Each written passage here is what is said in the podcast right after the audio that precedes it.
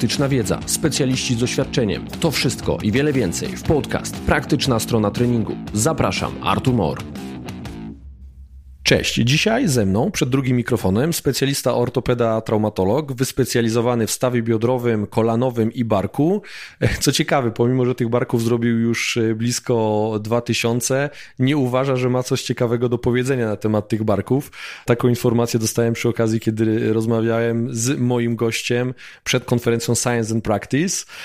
Przy okazji mój gość to lekarz Aluron Zawiercie, czyli klubu ekstraklasowego siatkówki. Panie i panowie, ze mną przed drugim mikrofonem Arkadiusz Konarski. Cześć Arku. Koniarski, cześć. e, dzięki, bardzo miło. Arku, ortopeda, traumatolog, ale powiedziałeś, e, zanim cię przedstawiałem, zanim mikrofony były włączone, że tej traumy tu już dawno nie widziałeś. Tak, tak. Urazówkę odsyłam kolegom, którzy mają znacznie większe doświadczenie. Ja zajmuję się stawami, owszem, jeżeli złamanie jest przezstawowe i towarzyszą mu uszkodzenia więzadeł, łąkotki, to staram się to naprawić, ale takiej prawdziwej urazówki to już kilka, może nawet kilkanaście lat nie widziałem na oczy. Okej. Okay. Pomimo takiej ilości barków, którą zoperowałeś, e, nie uważasz się za specjalistę, ale nie ulega wątpliwości, że jeżeli zapyta się branżowych specjalistów o to, kto zna się na biodrze, kto potrafi tą operatywę najlepiej, kto zna się na biodrze najlepiej w Polsce, to jeżeli wymienianych jest tam 3-5 nazwisk w Polsce takich specjalistów, to zawsze wszyscy wymieniają ciebie. Zatem porozmawiajmy dzisiaj o biodrze. Super, bardzo dziękuję. No nie uważam się też za wybitnego specjalistę biodra, ale rzeczywiście udało mi się przez te 12 lat, od kiedy się tym zajmuję, zdobyć jakieś takie doświadczenie, że że myślę, że możemy swobodnie porozmawiać na ten temat. Dobra, no oczywiście zagadnienie biodra to jest bardzo szeroki temat, no bo można by rozmawiać o tym i rozmawiać. Dzisiaj chciałbym, żebyśmy skupili się może na takich rzeczach jak konflikt panewkowo-udowy i jakieś tematy. Czyli najczęstszy problem. Tak jest, najczęstszy problem. Zacznijmy od fundamentów. Jak byśmy definiowali ten konflikt? Kiedy de facto mówimy o czymś, że coś jest konfliktem panewkowo-udowym, a kiedy tym konfliktem nie jest? No i siłą rzeczy, jakie są rodzaje tego konfliktu? To są takie oczywiste rzeczy, więc powtarzanie ich z tobą, szczególnie dwie godziny rozmawialiśmy już na temat konfliktu, zanim, zanim siedliśmy do tego nagrywania.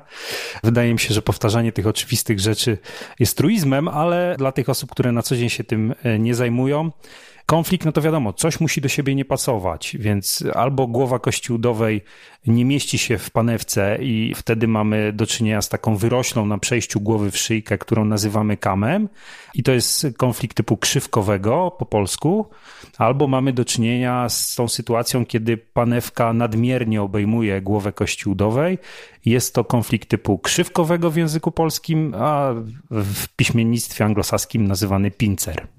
Tak jest.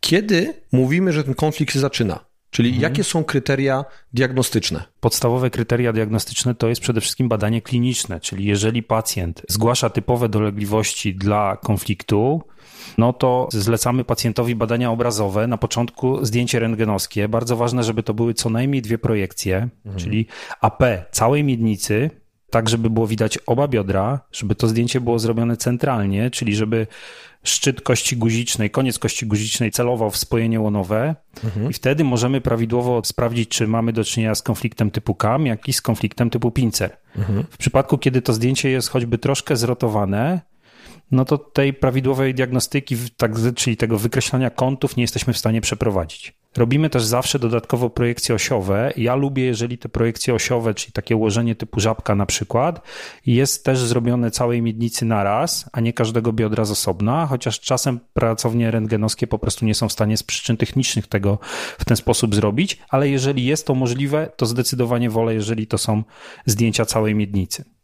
No i w przypadku konfliktu typu CAM są dwa takie podstawowe parametry, czyli kąt y, alfa, czyli jest to, jeżeli wykreślilibyśmy sobie głowę kościółdowej jako okrąg, to wtedy przejście głowy w szyjkę, to jest ten punkt, e, przez, znaczy zaznaczamy jakby środek głowy kości udowej, wykreślamy pionową linię i od tej linii kąt, który jest e, prostą przechodzącą od środka przez ten punkt, w którym głowa przechodzi w szyjkę, tak, to jeżeli ten kąt jest e, większy niż 60 stopni, no to wtedy mamy do czynienia z kątem alfa oznaczającym konflikt typu KAM.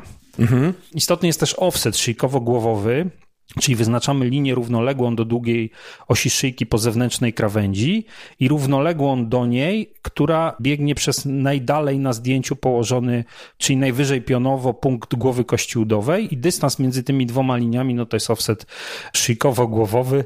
Myślę, że to zdecydowanie lepiej jest zobaczyć niż o tym opowiadać. Tak, tak, czyli, tak, czyli tak. gdybyśmy mieli wizualizację, no to wtedy moglibyśmy... No dobra, ale każdy może wpisać sobie tak, tak, o, to albo jest- offset i zobaczy, tak, jak to tak, jest tak. wykreślone Czyli- i do tego zachęcamy. tak, nie? tak, to zdecydowanie. posłuchać ciebie Arku i pooglądać to od razu. Zdecydowanie, bo opowiadanie o tym bez wykreślenia tego kąta jest dosyć trudne. I ten offset nie może być y, mniejszy niż 8 mm. Jeżeli, jeżeli jest mniejszy, to też to świadczy o konflikcie typu CAM. I teraz pincer. I pincer. Pincer mamy dwa podstawowe parametry. Jeden to jest stopień pokrycia głowy kości udowej przez panewkę. On nie może być większy niż 40 stopni. I mamy kąt inklinacji, kąt tonisa czy acetabular index. To jest ten sam parametr e, z trzema nazwami. I on też jakby, jeżeli jest za duży, to świadczy nam o tym, że mamy do czynienia z dysplazją stawu biodrowego. Jeżeli jest zbyt mały, to świadczy to o konflikcie typu pincer. Mhm. No możemy oczywiście mieć miksa, czyli Tak, pincer i zdecy- zdecydowanie najczęściej jest typ mieszany, z tym, że w przypadku konfliktu typu CAM, jeżeli on jest pierwotny, to najprawdopodobniej pincer jest nadbudową nad obrąbkiem lub wręcz skostnieniem obrąbka jako rzecz wtórna do konfliktu typu CAM. Czyli wyrość powoduje pęknięcie połączenia chrząstkowo-obrąbkowego, ten obrąbek z czasem kostnieje lub nad nim kostnieje brzeg panewki jako forma odleżyny, no i w efekcie mamy konflikt typu mieszanego. I w przypadku pincera jest podobnie, czyli jeżeli pincer był pierwotny i ten e, brzeg panewki zahaczał wielokrotnie o, o szyjkę, to dochodzi tam do powstania takiej nadbudowy, czy najpierw ona jest łączno-tkankowa, później stopniowo zaczyna wapnieć, kostnieć i w efekcie mamy konflikt typu mieszanego, czyli kam jest wtórny do pincera. To to mamy, jeżeli chodzi o takie badania obrazowe. Jak to będzie wyglądało w kontekście badania no, typowo takiego klinicznego w gabinecie pacjenta? Co, co dla ciebie ma znaczenie, jakich testów używasz, jakie widzisz ich zalety, ewentualnie ograniczenia? Ja mam zawsze taki sam schemat badania i w zależności od tego, na co się natykam u pacjenta, to wykraczam poza ten schemat, ale schemat zaczynam zawsze od oceny chodu. Czyli patrzę, jak pacjent chodzi, czy chodzi bardziej w przodo, czy w tył o pochyleniu miednicy. Jeżeli chodzi w przodo pochylenie, czy- czyli, czyli pupę ma, brzydko mówiąc, wypiętą do tyłu, to jest to dla mnie jedna z informacji, że rzeczywiście ten konflikt jest e, bardzo prawdopodobny. Potem proszę, żeby pacjent zrobił przysiad. Zazwyczaj ci pacjenci mają bardzo ograniczony przysiad. Proszę, żeby zrobił skłon do przodu. Też zazwyczaj ten skłon jest mocno ograniczony. Chyba, że mówimy o paniach z pincerem i e, z wiotkością, no to one rzeczywiście są w stanie nie, niemalże łokciami dotknąć podłogi bez zginania kolan. Kolejną rzeczą jest e, ocena testu Dishena Trendelenburga, czyli proszę, żeby pacjent stanął na jednej nodze. Mam taką swoją modyfikację, że kolano powinno być powyżej biodra. Często też wnosi to to, że e, wtedy wiemy, że jeżeli ta zgięta noga, no bo w teście Trendelenburga oceniamy tą nogę, na której stoimy i wydolność mięśni pośladkowych, ale jeżeli pacjent raportuje ból z tego biodra, które jest zgięte, to też jest to informacja, że, że tam konflikt prawdopodobnie jest. I potem przechodzimy do badania na leżance, oceniamy odwiedzenie, przywiedzenie, klasyczne badanie biodra. Zakresy ruchu. Tak, zakresy ruchu, rotacja wewnętrzna, zewnętrzna, to wszystko sobie skrupulatnie e, zapisujemy, bo jeżeli pacjent decyduje się czy na leczenie zachowawcze, czy na operacyjne, no to później jest to też nasze monitorowanie progresji lub, ewe, lub ewentualnie jej braku, no polega na tym, że oceniamy te kąty. Oceniam siłę zawsze, e, zgięcia, odwiedzenie, przywiedzenie, e, siłę zginaczy, tak, tak, po prostu porównuję stronę do strony przede wszystkim.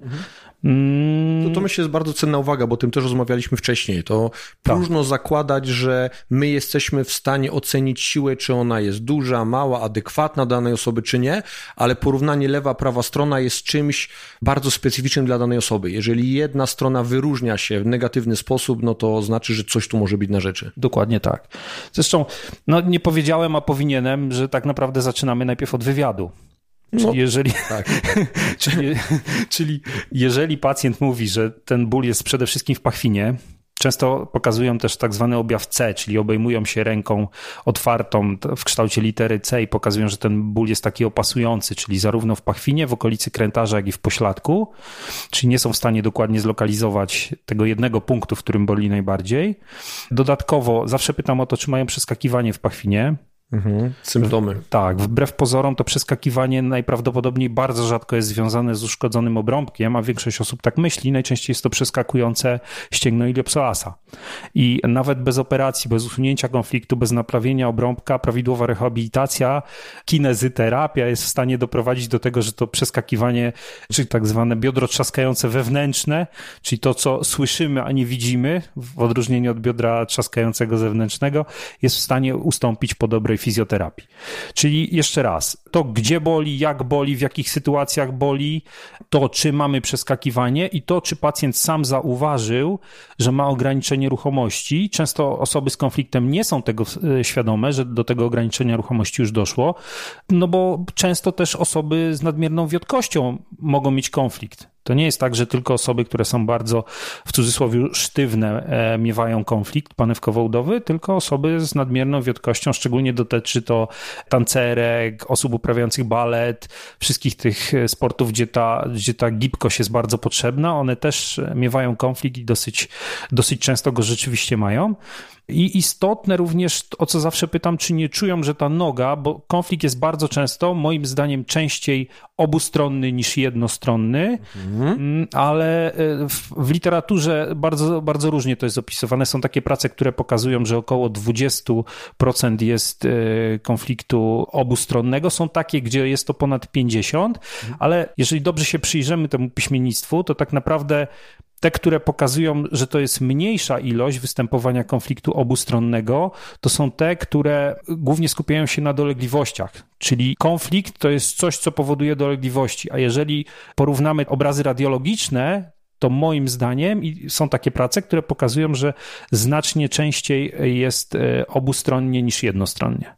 Okej. Okay. Nie wspomniałeś o takich ulubionych testach fizjoterapeutów FADIR. Miałem o nich wspomnieć, ale, okay. ale jeszcze, chciałem, jeszcze chciałem dodać Dobra. właśnie, bo, bo mówiliśmy o tej ocenie siły mięśniowej, to też pytam, czy pacjent zauważył, że ta noga, która mu przeszkadza jest słabsza. Mhm. I często pacjenci twierdzą, że, że rzeczywiście, że zauważyli to, że jest słabsza, że u sportowców, jeżeli wybijają się z tej nogi, no to jest słabiej, mhm. jeżeli wchodzą po schodach, to też jest im trudniej mhm. i, i tak dalej. Takie podstawowe czynności życia codziennego również są utrudnione.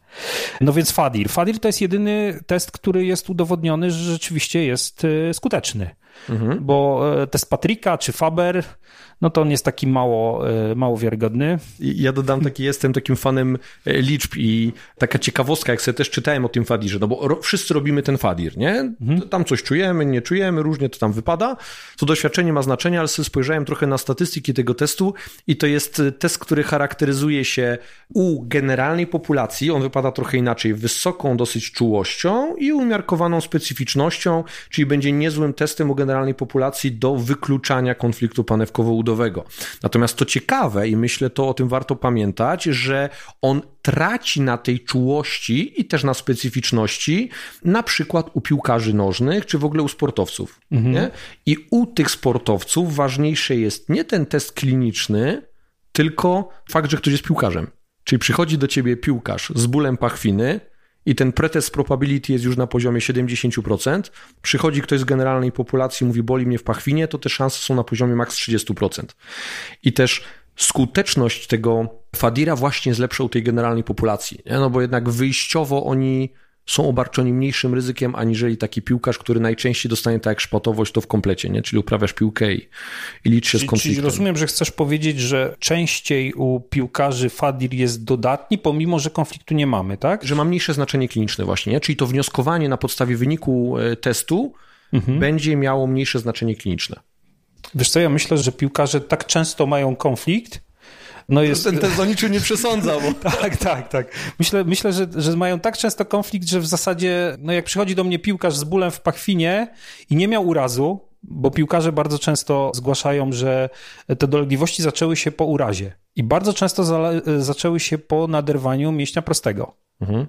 I rzeczywiście tak jest, że oni mieli nawet w rezonansie potwierdzone jakieś częściowe uszkodzenie tego ścięgna przyczepu do kolca biodrowego przedniego dolnego, czy tam w tej okolicy i dopiero potem zaczęli odczuwać te dolegliwości.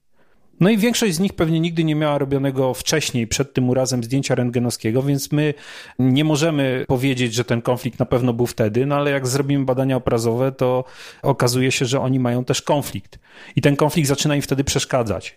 Jakby wygoili mięsień, mięsień już wrócił w pełni do swojego normalnego stanu, a biodro ciągle ich boli. Mhm. Oni co prawda wiążą ciągle te dolegliwości, które, które mają z tym urazem, Zresztą tak jest w, w wielu schorzeniach narządu ruchu. No ale ten uraz tak naprawdę nie miał. Nie, dla konfliktu, on, być może on naruszył jakąś kruchą równowagę, czyli coś jeszcze jakoś w miarę dobrze funkcjonowało w tym biodrze. Tak jest. No to był czubek góry lodowej, czy ta kropla przysłowiowa, która przepełniła szklankę i, i ten problem się wylał. Zgadza się. No to trochę sobie odpowiedzieliśmy, tak. Czyli kto jest najbardziej narażony na te konflikty panewkowo-udowe, no to między innymi piłkarze nożni. Warto o tym pamiętać. Powiedziałeś też chociażby o, o balecie. Ja się z tym też jak najbardziej zgadzam. Zresztą tu warto sobie zobaczyć na pracę Sue Mace i Joan Kemp, które gdzieś tym tematem się zajmują i z tego co pamiętam właśnie Sue Mace pracuje z y, tancerkami baletowymi i to raportuje dokładnie to, co powiedziałeś. No dobra, ale teraz... Wszystkie sporty kopane. Tak, karate, te wszystkie taekwondo. Tak, wszyscy, tak. wszyscy zawodnicy z klatki mhm. mieszanych sportów walki. To brazylijskie jiu-jitsu tak samo. Ja przynajmniej kilkunastu miałem zawodników takich już wysokiego poziomu z brazylijskiego jiu-jitsu, którzy mieli konflikt. No też musimy sobie powiedzieć, nie? jakby ten wytwarzanie tego konfliktu jest niejako mechanizmem adaptacyjnym, który ma nam ustabilizować ten ciągle próbowany być wyłamany staw biodrowy nie? w wyniku tych sił e, działających w sporcie, albo dynamiki tych kopnięć, albo zmian kierunku ruchu, ingerencji gdzieś tam osób e, z zewnątrz. Tak, te, te, te dwie podstawowe teorie, czyli jedna tego powolnego ześlizgu, która no, w przeciwieństwie do ostrego ześlizgu, że powoli, powoli dochodziło do, do zsuwania się głowy z szyjki i w efekcie powstała taka narość, a druga, że jest to forma odleżyny, która najpierw była z tkanki miękkiej i stopniowo kostniała, tworząc taką wyrość, która już jest widoczna na zdjęciu rentgenowskim. Ja myślę, że obie są prawidłowe że u części osób to jest taki mechanizm, u części inny. Nie wiemy, to będzie pewnie tematem wielu różnych badań przez następne dziesięciolecia, bo będzie bardzo trudno udowodnić, że wprost, że któraś z tych teorii jest częstsza albo że... Zresztą też zakładać, że to zawsze tylko jeden mechanizm za to odpowiedzialny, no to też trochę myślę, że nie tędy droga. No dobra, spróbujmy sobie jeszcze to trochę zróżnicować, no bo inaczej będziemy patrzyli na potencjalnie, że jest to konflikt panewkowo-udowy u dzieciaków do 12 roku życia, u kogoś między tam 12 a 18 rokiem życia, u młodzieży, czy u osób starszych, czy u starszych sportowców. I o tym też bym chciał powiedzieć, czyli przychodzi ktoś z bólem w pachwinie i załóżmy jest dzieckiem 3 do 12 lat, no to co to może być? Na przykład choroba Pertesa. Nie? Oczywiście. To już jakby inne rzeczy też mogą tutaj Zejściowa być. forma choroby Pertesa też może skończyć się konfliktem. I to jest ten wariant, jeżeli głowa się prawidłowo wygoiła, a została wyrość, no to jak, czy uszkodzenia chrząstki, obrąbka wewnątrz stawu, jak najbardziej można to też próbować leczyć artroskopowo, no ale nie jest to taki klasyczny konflikt. Tak, no 12-14 lat to znowu ta średnia wieku, no to zsunięcie głowy kości udowej. Tak, tak, tak. To, jest, to, to jest ten. To jest zazwyczaj skutkuje takim, taką naprawdę dużą deformacją typu KAM. Tak. I potem młodzież i, i osoby starsze mm, mogą też ten ból mieć powiązany niekoniecznie z konfliktem, a na przykład z pękniętym obrąbkiem. To też pewnie warto brać pod mm. uwagę. To znaczy tak. Bardzo rzadko mamy do czynienia z takimi izolowanymi uszkodzeniami obrąbka, urazowymi szczególnie. To są zazwyczaj mocno aktywne dziewczęta bez konfliktu. Czyli mamy uszkodzenie obrąbka, prawdziwe uszkodzenie, nie tam w jednej sekwencji w rezonansie, tylko naprawdę widoczne uszkodzenie obrąbka pełnej grubości, takie, które przeszkadza, powoduje mocne dolegliwości bólowe. To są najczęściej dziewczyny uprawiające taniec, jeżdżące na nartach, ale wyczynowo. I rzeczywiście ja przynajmniej kilkanaście miałem takich pacjentek, które rzeczywiście urazowo uszkodziły obrąbek, a ten konflikt praktycznie go nie było, albo był bardzo niewielki. Mhm. No i to, to jest to rzadkie wskazanie, kiedy tak naprawdę zeszywamy po prostu obrąbek artroskopowo i nie usuwamy yy, wyrośli. Tak jest. No a to też tak wspomnimy o ostatniej grupie, czyli jeżeli trafia jakiś starszy sportowiec albo osoba starsza, no to, to po prostu może być choroba zwyrodnieniowa, a nie konflikt sam sobie, nie? No tak, tylko że 70% szacuje się obecnie zakładanych endoprotez biodra, to jest nieleczony konflikt. Który prowadzi do, do choroby, tak, do choroby zwyrodnieniowej, nie? postępującej szybciej. To prawda. To teraz, Arku, pytanie do ciebie. Kiedy podejść do tematu zachowawczo, mhm. a kiedy kwalifikujesz do zabiegu? Czyli gdzie są te granice i o czym wiedzieć, żeby nie przeoczyć tego momentu, w którym już się przeleje i niestety będzie za późno, żeby, żeby móc podziałać jeszcze artroskopowo i trzeba będzie grubiej podziałać. No, szeroki temat, bo teraz, teraz kolejna godzina, czas start. Tak, tak. Czyli na początku, dobra, zacznijmy od tego, co już powiedziałeś. Czyli w przypadku tego typu kam, który jest u piłkarzy, jeżeli mamy Wiem, w okolicach tych 60... Bardziej chcesz odpowiedzieć na pytanie, kiedy jeszcze można pacjenta leczyć zachowawczo, zachowawczo a kiedy już należy operować. Zgadza się. No więc współcześnie po wielu latach badań, chociaż artoskopia biodra jest stosunkowo młodą dziedziną w porównaniu z artoskopią kolana czy barku, ukuto nawet takie sformułowanie, że u osób młodych, którym właśnie zaczęły się dolegliwości, to najlepszą rehabilitacją jest artoskopia. Czyli jeżeli ktoś ma ewidentny konflikt, sportowcy, młodzi, piłkarze, koszykarze i tak dalej, to najczęściej jest to po prostu kam, mhm. To lepiej jest tą wyrość jak najwcześniej usunąć, zanim ona jeszcze doprowadzi do dużych uszkodzeń chrząstki, obrąbka, bo wtedy można to zrobić praktycznie bez konieczności wprowadzania implantów, szycia obrąbka, e, jakiejkolwiek plastyki chrząstki. Te wszystkie implanty, które tam wprowadzamy, no to tak naprawdę jest też uszkadzanie tej tkanki. No nie da się zeszyć e, obrąbka, nie przekuwając go, nie zawiązując. Wszystkie te dodatkowe procedury to już jest naprawianie czegoś, co być może nie musiałoby być naprawione, gdybyśmy wcześniej usunęli tylko wyrośl. Czyli uważa się, że jeżeli osoba zaczyna mieć dolegliwości, to często, jeżeli zoperujemy taką osobę w ciągu pierwszego pół roku, roku, od początku tych dolegliwości, to mamy szansę na to, że unikniemy tych wtórnych uszkodzeń w stawie. Jak oglądaliśmy sobie te materiały od ciebie na komputerze, taki dosyć fajny ciąg przynowo-skutkowy pokazywałeś, kiedy mówiliśmy tam o pincerze, kiedy pokazywałeś, tu się kończy e, chrząstka szklista, tu się zaczyna w obrąbku e, chrząstka włóknista i teraz, kiedy pojawia się pincer, zaczyna to tam konfliktować, nagle dochodzi nie tyle do oderwania, uszkodzenia takiego pełnościennego tego obrąbka, tylko do pęknięcia, mhm. destabilizuje to część e, chrząstki szklistej i zaczyna ona tam się sypać. Nie? To tak, jest taki tak. ciąg przynowoskutkowy, który dosyć obrazowo fajnie pokazałeś na tej Tak, i tych wszystkich uszkodzeń można uniknąć, jeżeli szybko usuniemy kama jak wygląda rekonwalescencja po takiej wczesnej artroskopii. Czyli mamy do tego takie pierwsze wskazania, kwalifikujesz, jest to o czym mówisz, na ile to dobrze rokuje dla sportowca. Moje pytanie jest jakby z tendencją oczywistą, czyli mamy sportowca, którego dziobie w biodrze, ktoś mu powiedział, ma konflikt panewkowo-udowy, a on się bije z myślami, czy to zrobić, czy nie, bo jak zrobi, to teraz ile? Pół roku go nie będzie na boisku? Rok? Czy może miesiąc? Niby proste pytanie, ale spróbujmy doprecyzować. Generalnie do treningu piłkarzom pozwalamy wracać po trzech miesiącach. Po pięciu, sześciu miesiącach oni wracają do gry. Czyli to też zależy w dużej mierze od y, postępów rehabilitacji. Wiadomo, że jedna osoba uzyskuje pewien etap szybciej, druga wolniej. Także jeżeli zawodnik prawidłowo przepracuje ten okres rehabilitacyjny, to prawdopodobnie w piątym, szóstym miesiącu jest w stanie wrócić do zupełnie normalnego funkcjonowania, takiego przed rozpoczęciem problemu, nie przedoperacyjnego, tylko tego poziomu, jaki prezentował, zanim zaczął mu się ból w pachwinie. Dobra, to sobie powiedzmy teraz o samej operatywie. Czyli jeżeli ktoś się zdecyduje albo decyduje, jeżeli u kogoś jest ta kwalifikacja, jest skazanie, to co ty na, tak naprawdę tam robisz i ile to mniej więcej zajmuje, na ile to jest zabieg inwazyjny? No na zewnątrz to się wydaje mało inwazyjny, bo to są trzy małe dziurki. Część operatorów e, wykorzystuje dwie, część cztery. Ja zazwyczaj robię trzy małe nacięcia, takie koło centymetr, czasem półtora. Wprowadzamy przez te nacięcia kamerę i wprowadzamy narzędzia, którymi się tam posługujemy wewnątrz stawu.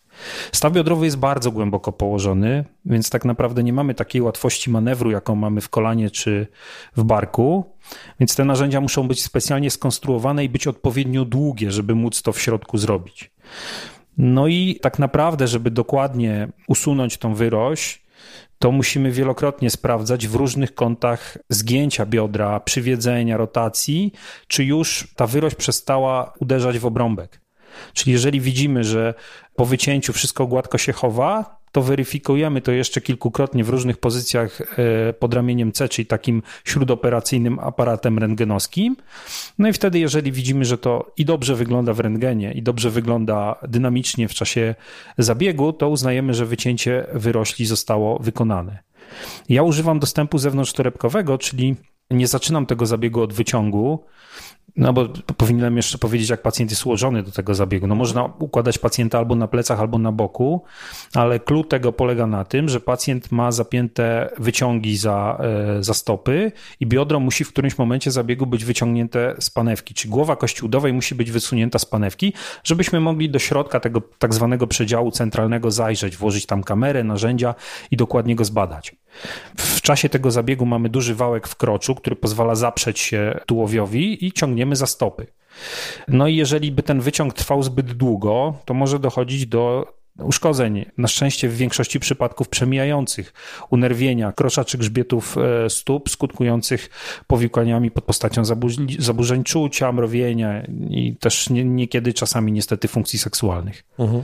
Także im ten wyciąg jest krótszy, ja staram się, żeby on był naprawdę krótki, to 30-40 minut to jest to, co uważam do godziny to jest bezpiecznie. Według literatury do 120 minut może on nawet trwać. Wydaje mi się, że gdyby tyle miał u mnie trwać, to ja zazwyczaj spuszczam go, robię coś tam innego, co jeszcze powinienem w stawie zrobić i dopiero ponawiałbym ten wyciąg, ale generalnie staram się nie przekraczać tych 30-40 minut. I dopiero jak już usunę całą tą wyrość, to wtedy napinam ten wyciąg i dostaję się do przedziału centralnego, gdzie jeżeli, to, jeżeli ten obrąbek jest uszkodzony w sposób niestabilny, bo też moim zdaniem trzeba sobie to powiedzieć, że nie każdy obrąbek musi być zeszyty. Czyli jeżeli nawet w rezonansie widzimy, że on jest uszkodzony, ale badając go w artroskopii, podważamy go sobie, on jest całkowicie stabilny, nie opada, nie przemieszcza się, to moim zdaniem, jeżeli usuniemy kam i pincer, jeżeli to miał być przy pincerze, jest to tr trudna sprawa, dlatego że ten obrąbek jest zazwyczaj przytwierdzony do tego brzegu panewki i żeby usunąć dobrze ten nadmiar kości na panewce, to musimy ten obrąbek odpreparować. I wtedy musimy go ponownie przytwierdzić, Niektórzy operatorzy twierdzą, że to nie ma sensu, bo skoro ten obrąbek był, e, jest tak nikczemnej jakości, że uległ uszkodzeniu, no to trzeba go usunąć i przeszczepić, ale to zupełnie inna mhm. E, rozmowa.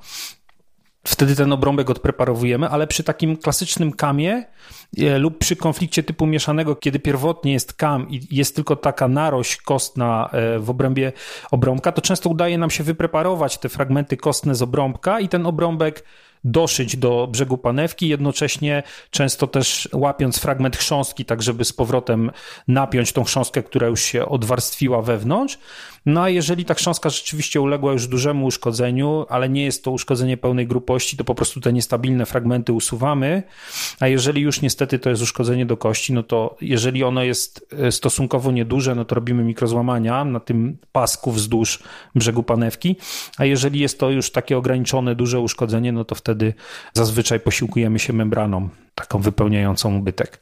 No i po tym etapie wewnątrz stawowym spuszczamy wyciąg, szyjemy torebkę, zaszywamy torebkę, żeby uniknąć mikroniestabilności. No i zamykamy szwy skórne i w zasadzie to jest cały zabieg. Trwa zazwyczaj od dwóch do czterech godzin, w zależności od tego, jak dużo musimy wykonać w tym stawie. No właśnie, teraz y, do jakiego momentu robisz tą kosmetykę tego stawu? Ja mówię kosmetykę, oczywiście używam takiego skrótu myślowego. Na ile tą szyjkę przy kamie y, też profilujesz? Bo to też był taki przedmiot naszej rozmowy, zanim mikrofony były włączone. Nie chcemy, żeby tam było za ładnie, żeby ta szyjka miała za duże wcięcie. Tak, tak. To też no, będzie miało negatywne tak. konsekwencje w postaci niestabilności. Nie? To jest y, więcej wyciąć nie znaczy lepiej. Tak, no to też obecnie jest e, istotą wielu dywagacji naukowych, no bo e, na początku artoskopii pierwotną przyczyną ponownych zabiegów rewizji artoskopii biodra była niewystarczająca resekcja tej wyrośli. No ale po pewnym czasie, jak już ta artroskopia okrzepła, pojawiły się też zabiegi, w których ktoś był zbyt entuzjastyczny i wykonał nadmierną resekcję tej wyrośli. No i ta nadmierna resekcja prowadzi do niestabilności, czyli biodro nie ma wystarczającego podparcia w postaci głowy kości udowej. Pacjent odczuwa to jako bardzo nieprzyjemne wrażenie takiego uciekania biodra. I o ile łatwo jest dociąć w rewizji, to bardzo trudno jest to uzupełnić. Są różne próby z wszczepianiem tam miękkich rzeczy, które mają w domyśle skostnieć, ale na razie żaden z tych zabiegów, które się wykonuje w przypadku naprawy nadmiernej resekcji, nie okazał się wystarczająco skuteczny, żeby, żeby był powszechnie praktykowany. Jeszcze o terapii zachowawczej. Ja wiem, że to jest mniej jakby twoja brocha, no bo, no bo to jest bardziej przedmiot moich zainteresowań, mojej tak, specjalizacji. Tych pacjentów wysyłam między innymi do ciebie. tak, to ja tylko podkreślę, jakimi założeniami ta terapia powinna się rządzić i w jakich ona powinna być, w jakim czasie też powinna być rozliczana. Pierwsza rzecz, dobrze zaplanowana terapie, postępowanie zachowawcze, kinezyterapia, bo mówimy tu o kinezyterapii, tak? Terapie bierne, pasywne tutaj niczego nie zmienią, potrzebujemy odpowiednio z tym aparatem ruchu popracować, podociążać go, powinna trwać 3 miesiące i taki okres powinniśmy rozliczać. Mhm. Jeżeli chcemy miesiąc sobie podziałać, no to to jest za mało, żeby cokolwiek rozliczyć. Przyjmuje się w literaturze, że to są 3 miesiące. Kolejna rzecz, żeby ten bodziec, który aplikujemy w tej kinezyterapii, to dociążanie tego aparatu ruchu, było dostatecznie efektywne, powinno się odbywać 2-3 razy w tygodniu. Czyli znowu, jak widzimy pacjenta raz na tydzień, to będzie z założenia nieadekwatne do jego potrzeb. Tu musi być regularność w ramach takiego mikrocyklu. Ten raz w tygodniu dla tych osób, które są bardzo sumienne, czyli znacznie rzadszy przypadek i regularnie same w domu ćwiczą, nie? I jeszcze rzadszy przypadek, jeszcze nie? To jest jeszcze rzadszy przypadek. No i teraz składową tej terapii, tej kinezoterapii, no to trening siły mięśniowej i pochodnych.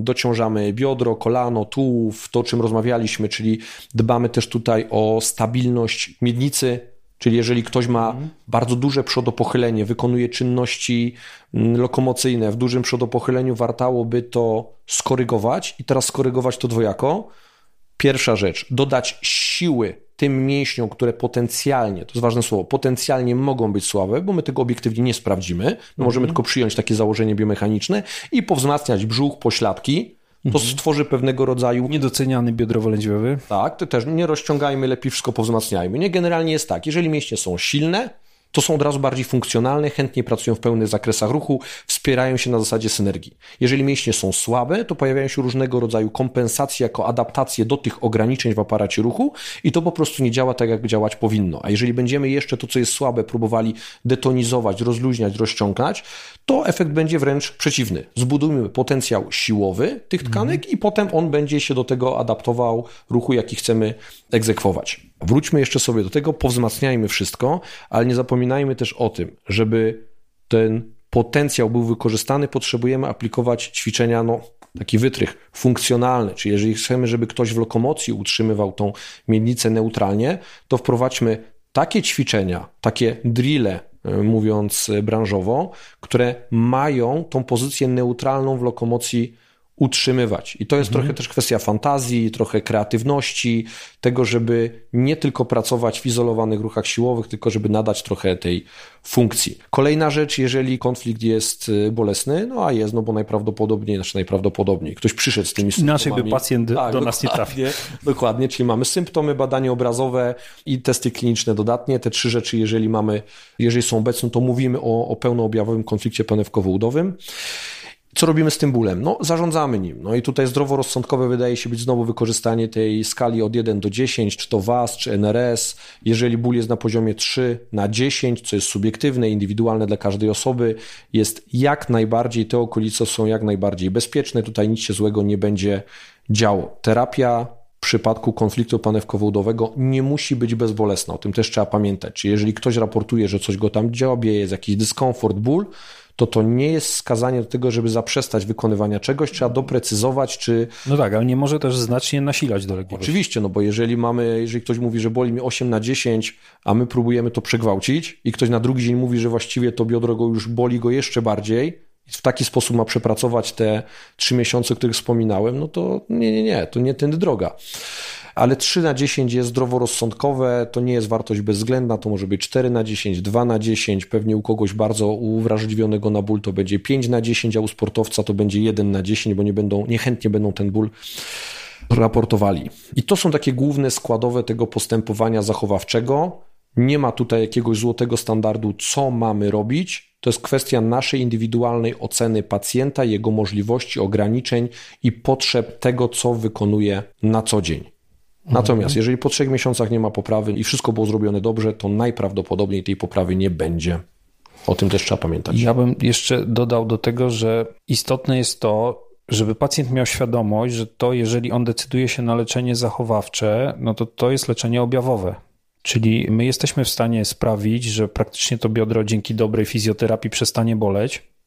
W zasadzie w ogóle będzie taka osoba z konfliktem w stanie normalnie funkcjonować, no ale wyrość, uszkodzenie obrąbka, uszkodzenie chrząstki mu nie zniknie. Czyli jakby tej przyczyny pierwotnej, dlaczego biodro pracuje w nieprawidłowy sposób, nie usunęliśmy. No i pacjenci często pytają o to, czy, czy jeżeli zrobię ten zabieg, to czy dzięki temu unikną endoprotezy. No i my mamy różne przesłanki, które mogą wskazywać na to, że dzięki temu, że robimy artroskopię, no to być może część osób uniknie endoprotezy, ale pamiętajmy o tym, że artroskopia biodra ma na świecie 20 lat. Słowo konflikt panewkowo-udowy Gans ukuł w 1999 roku. Więc tak naprawdę nie ma pacjentów, którzy mieli zrobioną artroskopię w wieku 20 lat i mają teraz 60. Więc nikt wprost nie udowodnił, że artroskopia biodra powoduje, że jakaś istotna statystycznie grupa pacjentów nie będzie miała artrozy. To jest na razie nasze myślenie życzeniowe. Tak, też no, pamiętajmy, jeżeli przyjmiemy założenie, że konflikt panewkowo-udowy powstał w okolicznościach, że dana osoba poddawała swój staw biodrowy jakimś wyzwaniom i była nieadekwatnie silna, wydajna motorycznie, no to ten staw próbował się dostabilizować w taki najprostszy dla niego sposób, tworząc ten konflikt typu kam albo pincer. To jest to ograniczanie stopni swobody. Tak. I teraz, jeżeli nawet taki pacjent trafiłby do ciebie, miał zrobiony tą artroskopię, tą kosmetykę tego stawu, ale on cały czas rdzenną jego przyczynę miałby nieusuniętą, czyli funkcjonalnie byłby do kitu, no to wielka szansa, że te dolegliwości wszystkie by powróciły w jakimś horyzoncie czasowym. Dokładnie tak. Dlatego te prace, które porównują artroskopię do leczenia zachowawczego, one mają jedną zasadniczą wadę dla mnie. I one wszystkie pokazują, że artroskopia wypada lepiej w tych grupach e, niż leczenie zachowawcze. Tylko te prace obserwują pacjentów po za krótkim okresie czasu. Ta fizjoterapia w najlepszym razie trwała, tak jak mówisz, 3 miesiące, a zazwyczaj to było ciągiem dzień w dzień schemat 3, 4, 5, 6 tygodniowy. Bardzo różnie, bo jest taka duża metaanaliza. I tak naprawdę no nie można porównywać leczenia zachowawczego, które trwa kilka miesięcy, do zabiegu, który usunął wyrość. Można, ale pacjent musi mieć świadomość, że fizjoterapia może być skuteczna, jeżeli to jest jego postępowanie przez całe życie. Tak jest. Czyli on zmieni te nawyki, będzie to utrzymywał, będzie regularnie pracował, świadom tego, że mimo tego i tak może mieć endoprotezę w przyszłości, no bo te zmiany w stawie już ma, ale obawia się zabiegu artroskopii. Jest to zrozumiałe, no nie wszyscy musimy być odważni i decydować się na, poddawać się zabiegom operacyjnym. I on rozumie, że jeżeli poddaje się wizjoterapii, to te dolegliwości utrzymuje na akceptowalnym dla siebie poziomie, ale staw mu się powoli uszkadza, no bo fizjoterapia nie zapobiegnie temu, że ten staw się nie uszkodzi. Z drugiej strony, jeżeli wiemy, że przyczyną była nieprawidłowa funkcja i dlatego doszło do konfliktów w dużej części pacjentów, nie u wszystkich, ale w dużej części tak jest, to tak naprawdę dochodzimy do punktu, w którym musimy sobie powiedzieć, że sens ma tylko w większości przypadków takie postępowanie, że usuwamy konflikt artroskopowo albo już zaczynamy wcześniej, kilka tygodni wcześniej fizjoterapię, doprowadzamy do sytuacji, że, pan, że pacjent zmienia swoje nawyki. Czyli łączymy to, że usuwamy konflikt w stawie i drugą częścią bardzo istotną ostatecznego sukcesu jest fizjoterapia, czyli ten zabieg nawet najlepiej zrobiony sam w sobie nie rozwiąże problemu długofalowo. To jest tylko wstęp do tego, żeby pacjent mógł się bardzo dobrze rehabilitować. Tak, no i to w ogóle możemy ekstrapolować znowu właściwie na, na większość, no większość, na bardzo wiele dolegliwości. Jeżeli potencjał funkcjonalny i ciało jest wytrenowane lokalnie i globalnie, to te wszelkie pomniejsze patologie, niedoskonałości aparatu ruchu są dużo chętniej wybaczane i nie są symptomatyczne, czy nie pojawia się tutaj ból. Nie? I dlatego warto pamiętać o tym, o czym wielu ortopedów i fizjoterapeutów zapomina, czyli to niesamowite, ale aparat ruchu stworzony jest do ruchu. Tak jest. Nie? To takie, to jest tak proste, że aż, Narząd aż trudno ruchu zapamiętać. leczy się ruchem. tak, tak jest. Nie? nie unieruchamianiem w ortopedii, jeżeli nie ma bezwzględnego wskazania no. i nie kładzeniem... A jeżeli na... w ogóle to krótkotrwałym, tak. żeby ten wstępne, wstępne gojenie odbyło się w spokoju. Tak jest i na pewno nie kładzeniem na kozetkę w gabinecie fizjoterapeuty i liczenie, że to położenie i te zabiegi bierne cokolwiek zmienią, bo to są działania doraźne, chwilowe. Tak, one, one, one zmniejszają dolegliwości, często są potrzebne, bo pozwalają łat, łatwiej, łatwiej ćwiczyć. Zgadza się. To teraz spróbujmy zadać sobie takie pytanie. Nie udzielimy jednoznacznej odpowiedzi, ale chciałbym się tutaj zdać na Twoje doświadczenie. Na ile chociażby wspomniany ten kąt alfa, czyli takie potwierdzone obiektywnie zmiany strukturalne, są prognostyczne dla pacjentów w kontekście postępujących dalszych deformacji, patologii, niszczenia tego stawu, a na ile to się gdzieś tam e, zatrzymuje? To jest dobre pytanie, bo często je pacjenci zadają. Mhm. Czy, czy im większa wyrość, tym będę miał większy problem, tym większe uszkodzenia w stawie? Myślę, że może tak być, że im ten kąt jest większy, a tak naprawdę ta wyrość jest trójwymiarowa, więc bardzo trudno zdać się tylko na ten płaski, dwuwymiarowy parametr jako jedyną rzecz w ocenie tego, jak duża jest ta wyrość. Ona często ma wiele różnych form i nawet jak zrobimy tomografię 3D, która nam później zrenderuje, zrobi taki model trójwymiarowy tego biodra, to okazuje się, że, yy, że to jest duże uproszczenie w porównaniu z tym, co później widzimy wkładając artroskop do, do stawu. To często są naprawdę fikuśne formy których e, skuteczne usunięcie wymaga takiej bardzo dużej pieczołowitości, kontroli pod rentgenem i śródoperacyjnej w kamerze wideo. I ja myślę, że to jest uzależnione, ta progresja, nie tylko od tego, jak duża jest ta wyrość, ale też od stopnia aktywności, od tego, czego się nie docenia w biodrze, a w kolanie bardzo, czyli od e, wagi ciała. Czyli wiele czynników wpływa na to, że finalnie pacjent uszkodzi ten staw bardziej i to, co bardziej pozwala nam monitorować to, na jakim etapie jesteśmy, to jest e, szerokość szpary stawowej niż kąt alfa, bo ta szerokość szpary stawowej e, mówi nam o tym, jaka jest jeszcze gruba chrząstka w stawie. Jak patrzymy na zdjęcie rentgenowskie, to widzimy szparę między głową kości udowej a panewką. Tam nie ma cieczy, gazu, tam jest chrząstka e, szklista, która pokrywa głowę kości udowej i, wy, i wyściela od wewnątrz panewkę. I złożenie grubości tych dwóch chrząstek daje nam szerokość szpary stawowej. Światowe Towarzystwo Artoskopii Biodra przyjęło, że 2 mm to jest krytyczna wartość i poniżej jakby, jeżeli ta chrząstka jest cieńsza niż te 2 mm, no to artroskopia biodra już raczej takiemu pacjentowi nie pomoże. W ostatnim roku ukazało się kilka publikacji, które rzeczywiście pokazywały wyniki po operacjach w artrozie, mhm. czyli już wtedy, kiedy, jeżeli robimy artroskopię u pacjenta, który już ma zmiany zwyrodnieniowe i jako taka forma odwleczenia w czasie endoprotezy, wtedy już o kilka lat jest skuteczna u powiedzmy 50-70% pacjentów, a u 30% pacjentów może pozornie dojść do wręcz przyspieszenia po artroskopii choroby zwyrodnieniowej. No i jakby w ciągu najbliższego roku, dwóch mają już wymieniony staw na sztuczny. Więc jakby nie kąt alfa, tylko to, co możemy sobie obserwować w kolejnych zdjęciach i monitorować, bo on już prawdopodobnie nie będzie narastał. Mhm. Tylko to, co będzie się działo, no to będzie nam się ta szpara zwężała. To jest najprostszy, naj, też najtańszy test, czyli zrobienie zdjęcia rentgenowskiego, które no jednak jest znacznie tańsze niż zrobienie rezonansu. Arku, no konflikt panewkowo-udowy powszechny. Myślę, że go przegadaliśmy pobieżnie. Z takimi rzeczami warto jednak rozmawiać, ale oglądając różne obrazy, analizując case study. Czy są w Twoich doświadczeniach zawodowych jakieś wyjątkowo ciekawe przypadki, które zaskoczyły ciebie? To już taka wisienka na torcie i może coś, czym warto się podzielić. No, ja to... Rozumiem, że o wędrującej osteonokrozie. Słuchaj, no, muszę wyciągnąć przed mikrofonem e, to z ciebie. No to, to są rzadkie rzeczy, bo leczenie jałowej martwicy głowy kości udowej artroskopową to jest taki dyskusyjny temat. Duża część tych pacjentów, większa, kończy z endoprotezą w miarę szybko.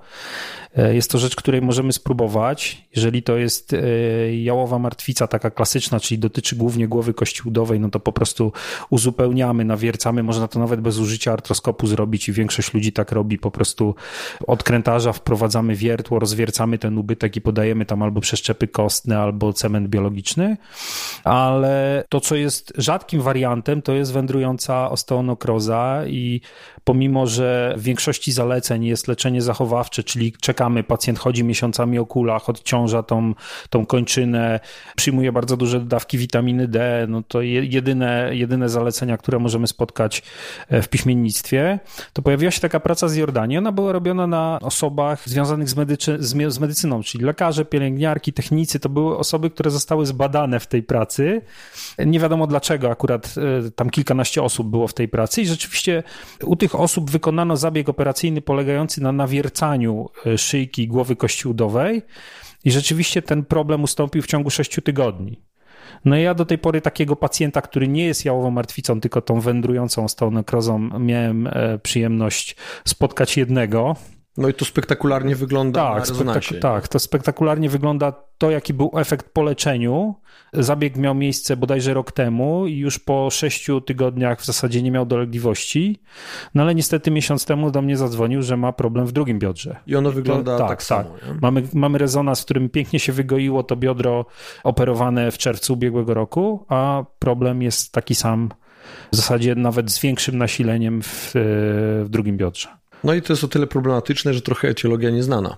Tak, tak. I nie możemy tutaj, wskazać takiej tutaj, tutaj o ile w jałowej martwicy, no to nadużywanie alkoholu, nurkowanie, przyjmowanie sterydów, e, no też e, hormonalne zaburzenia dietetyczne, e, sporo jest tych rzeczy wrzuconych do tego worka, no i u tego pacjenta trudno się doszukiwać tych wszystkich rzeczy, ale no choćby ta praca z Jordanii, w której są to jednak osoby zawodowo głównie związane z medycyną, mhm może wskazywać, że nie wiem, może naświetlania, chociaż też pytałem tą osobę, nie wiem, czy, czy te osoby pracowały przy rentgenie, trudno. No, ciekawostka. Po prostu nie znamy wszystkich odpowiedzi na, na wiele pytań, no i tyle. Arku, ty jeszcze mam jeszcze jedno pytanie, które chcę ci zadać. Ono będzie takie bazujące na twoim doświadczeniu, a może i poprzez jeszcze tym, jak to wygląda w literaturze. Kogo częściej bolą te biodra z uwagi na konflikt panewkowo-udowy? Kto częściej jest u ciebie w gabinecie, przychodzi z tymi symptomami? No najczęściej są to w zasadzie wyczynowi lub bardzo zaangażowani e, sportowcy e, amatorsko. Oni mają znacznie wcześniej dolegliwości, bo jednak ten swój narząd ruchu obciążają znacznie bardziej i znacznie, znacznie wcześniej dochodzi do nich do objawów przy znacznie mniejszych uszkodzeniach. Mhm. Czyli osoba, jak e, ty to ładnie mówisz, z generalnej populacji, zazwyczaj przychodzi do mnie po 35. To są osoby, które na początku nie miały dolegliwości albo były aktywne gdzieś tam w dzieciństwie na tyle, żeby wytworzyć konflikt. Potem przez jakiś czas, początku swojej kariery zawodowej, nie były aktywne fizycznie, ruchowo, nie uprawiały żadnego sportu, upraszczając, i nagle w wieku 35, 40, 45 lat, co teraz jest popularne, zaczęły na przykład biegać, próbować biegać mniejsze lub większe dystanse i zaczynają się dolegliwości. I, I te osoby zazwyczaj już mają duże zmiany w biodrze. Mhm. I u takich osób, szczególnie jeżeli e, już przekroczyły tą e, legendarną 45, to zawsze zaczynamy w większości przypadków od leczenia zachowawczego. Ja się śmieję, że wiesz, tam po 40 roku zalecana jest kolonoskopia, nie? Taka, e, taka, taka kontrola. Nie, taka... artroskopia biodra ale... na pewno nie. Ale tak, tak sobie mówię, że no coś tym jest, nie? Do momentu, jak już musisz zrobić kolonoskopię, bo takie są zalecenia, to nie no biegaj maratonu. Już uważaj, nie? To już skończ z piłką nożną, nie biegaj. Przynajmniej nie zaczynaj biegać maratonów. Tak jest, no to jest...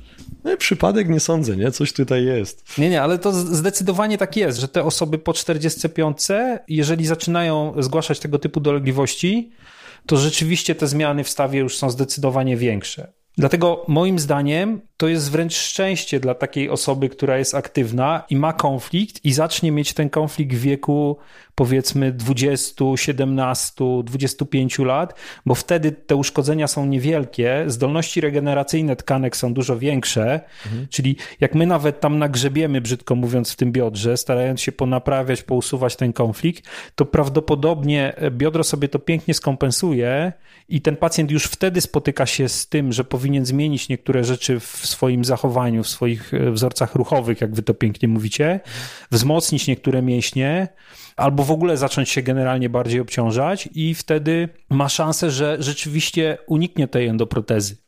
Tak. Nie tylko odwleczeją w czasie. A u osoby po tej 45 tartoskopię robimy tylko wtedy, jeżeli to leczenie zachowawcze rzeczywiście jest nieskuteczne, dolegliwości się nasilają i mamy przesłanki w badaniach obrazowych do tego, że tam jest jakiś problem mechaniczny. Czyli albo są jakieś ciała wolne, albo rzeczywiście ten obrąbek jest uszkodzony w taki sposób, że on niestabilny gdzieś tam się wywija, albo te osteofity są tak skonstruowane, że ograniczają znacznie ruchomość. Sam ból nie jest wystarczającym powodem, żeby taką osobę e, zoperować.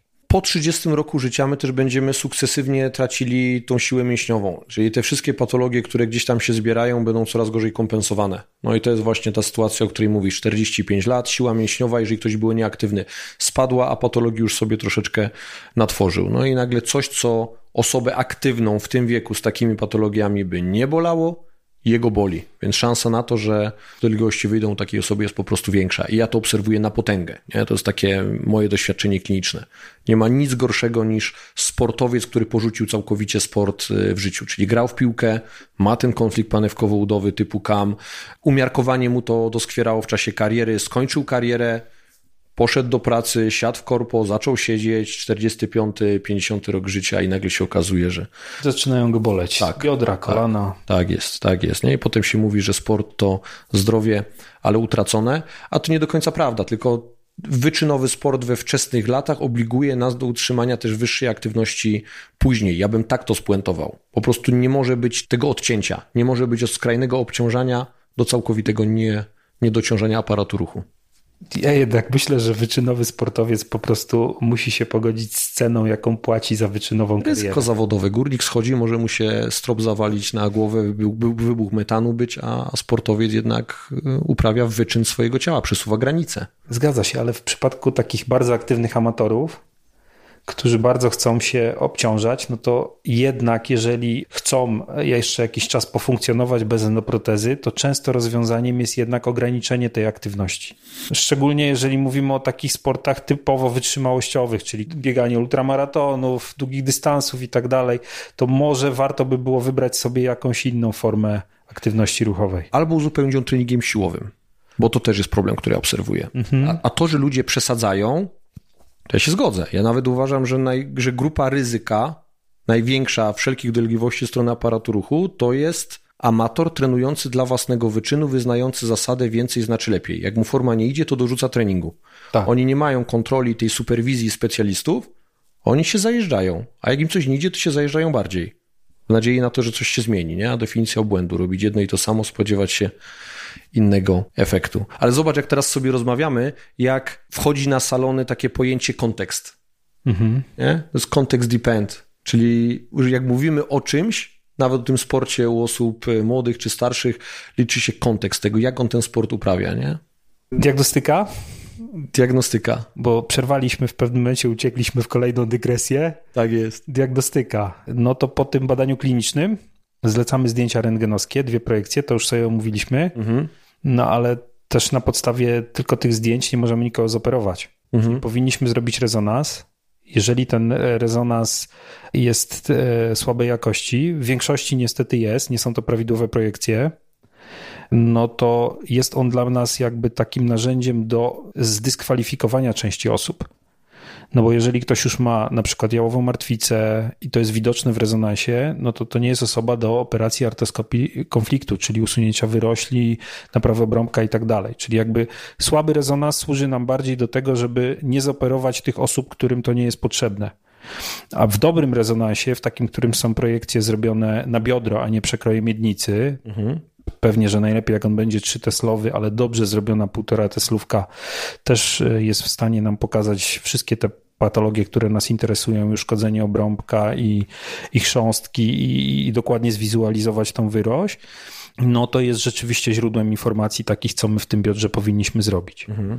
I dodatkowo ja proszę każdego pacjenta z konfliktem, żeby już jeżeli podejmie decyzję o leczeniu operacyjnym, żeby zrobił tomografię komputerową, pomimo tego, że jest to rzeczywiście większa dawka naświetlenia, bo to jest, są promienie rentgenowskie, to y, pozwala nam zrobić poprzez rendering taką e, trójwymiarową, trójwymiarowy model e, biodra. Ja dzięki temu wiem dokładnie, gdzie ten konflikt jest i mogę sobie zaplanować zaplanować jego usunięcie. Co więcej, w tej chwili już jest taka technologia, na razie do nas jeszcze nie dotarła, ale wgranie tej tomografii do wieży artroskopowej pozwala oszacować, gdzie jeszcze powinniśmy dociąć, czyli jakby oprogramowanie czyta to, co my już zrobiliśmy w stawie, to co już wyresekowaliśmy i następnie podpowiada nam, gdzie jeszcze powinniśmy dociąć. No na razie to jest technologia z ostatnich dwóch, trzech lat, stosowana głównie za wielką wodą, mhm. ale myślę, że jest to przyszłość artoskopii biodra która pozwoli też zmniejszyć krzywą uczenia, bo w tej chwili uważa się, że 500 to jest próg, od którego naprawdę wie się, co się robi. Czyli no, najdłuższa krzywa uczenia w artroskopii jest w artroskopii biodra, w związku z tym my, ci, czyli te osoby, które teraz robimy, to, to w Polsce jesteśmy jakby grupą zero. Mhm. Robiliśmy wcześniej artoskopię kolana, barku i w którymś momencie zaczęliśmy robić artoskopię biodra. Dobrze by było, żeby udało nam się wychować grupę pokolenie pierwsze, czyli tych, którzy od początku uczyli się artoskopii biodra. W obecnym systemie służby zdrowia w Polsce jest to mało prawdopodobne, dlatego że Procedura artoskopii biodra jest wyceniona tak jak procedura artoskopii kolana, czyli w jednym worku mamy wycięcie łąkotki, które trwa 15 minut i artoskopię biodra, która, żeby dobrze ją zrobić, dokładnie 3-4 godziny, tak. No więc który dyrektor szpitala zgodzi się na to, żeby młody człowiek stał i ćwiczył sobie artoskopię biodra, która pewnie wtedy, kiedy będzie ją robił pierwszy raz, będzie trwała 5-6 godzin. Hmm. I kto z tych, którzy już umieją, stanie obok niego i będzie chciał poświęcać czas i zdrowie na to, żeby stać i, i uczyć. Nie? Takie typowe wyzwania praktyczne. Tak, tak. Hmm. Przed e, Polską jako cywilizacją. No. Hmm. To trochę daje do myślenia, nie? Tak jak, jak, jak, jak to mówisz, to takie, jak gdybym ja był pacjentem, to trochę bym się bał. Nie, no jest przynajmniej kilku, jeżeli nie kilkunastu ludzi, którzy są w stanie przyzwoicie wykonać ten zabieg w naszym kraju, mhm. ale to jest tak powszechny problem, w zasadzie pandemiczny, moim zdaniem, że to prawdziwa pandemia narządu ruchu, że no potrzebujemy prawdopodobnie kilkuset ludzi, którzy umieją to w sposób powtarzalny dobrze zrobić. Być może właśnie takie nowinki technologiczne, które teraz są nowinkami, a mam nadzieję w przyszłości staną się praktyką, pozwolą skrócić ten czas e, szkolenia. No ale na razie no to artoskopia biodra w Polsce to jest taki temat niewystarczająco rozpopularyzowany. Może ten podcast. Może. Miejmy, miejmy taką nadzieję. Arku, ja myślę, że dzisiaj tak poszła gruba pigułka takich najważniejszych informacji. Ja wiem, że jak ty odpalisz, to ciężko cię zatrzymać.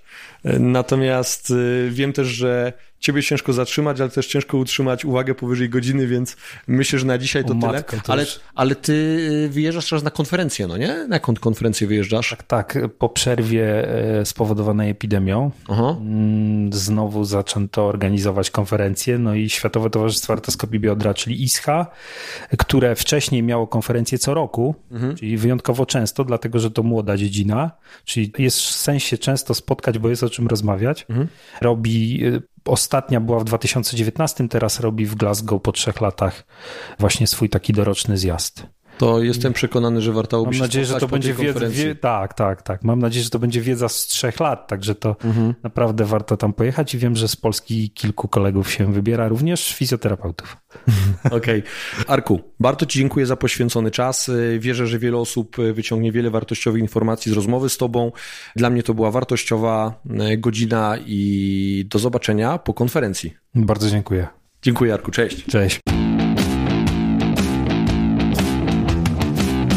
Odsłuchałeś odcinek podcastu Praktyczna strona treningu. Jestem właściwie pewien, że zainteresuje Cię mój drugi podcast o nazwie Praktyczna strona dietetyki. Polecam Artur Mor.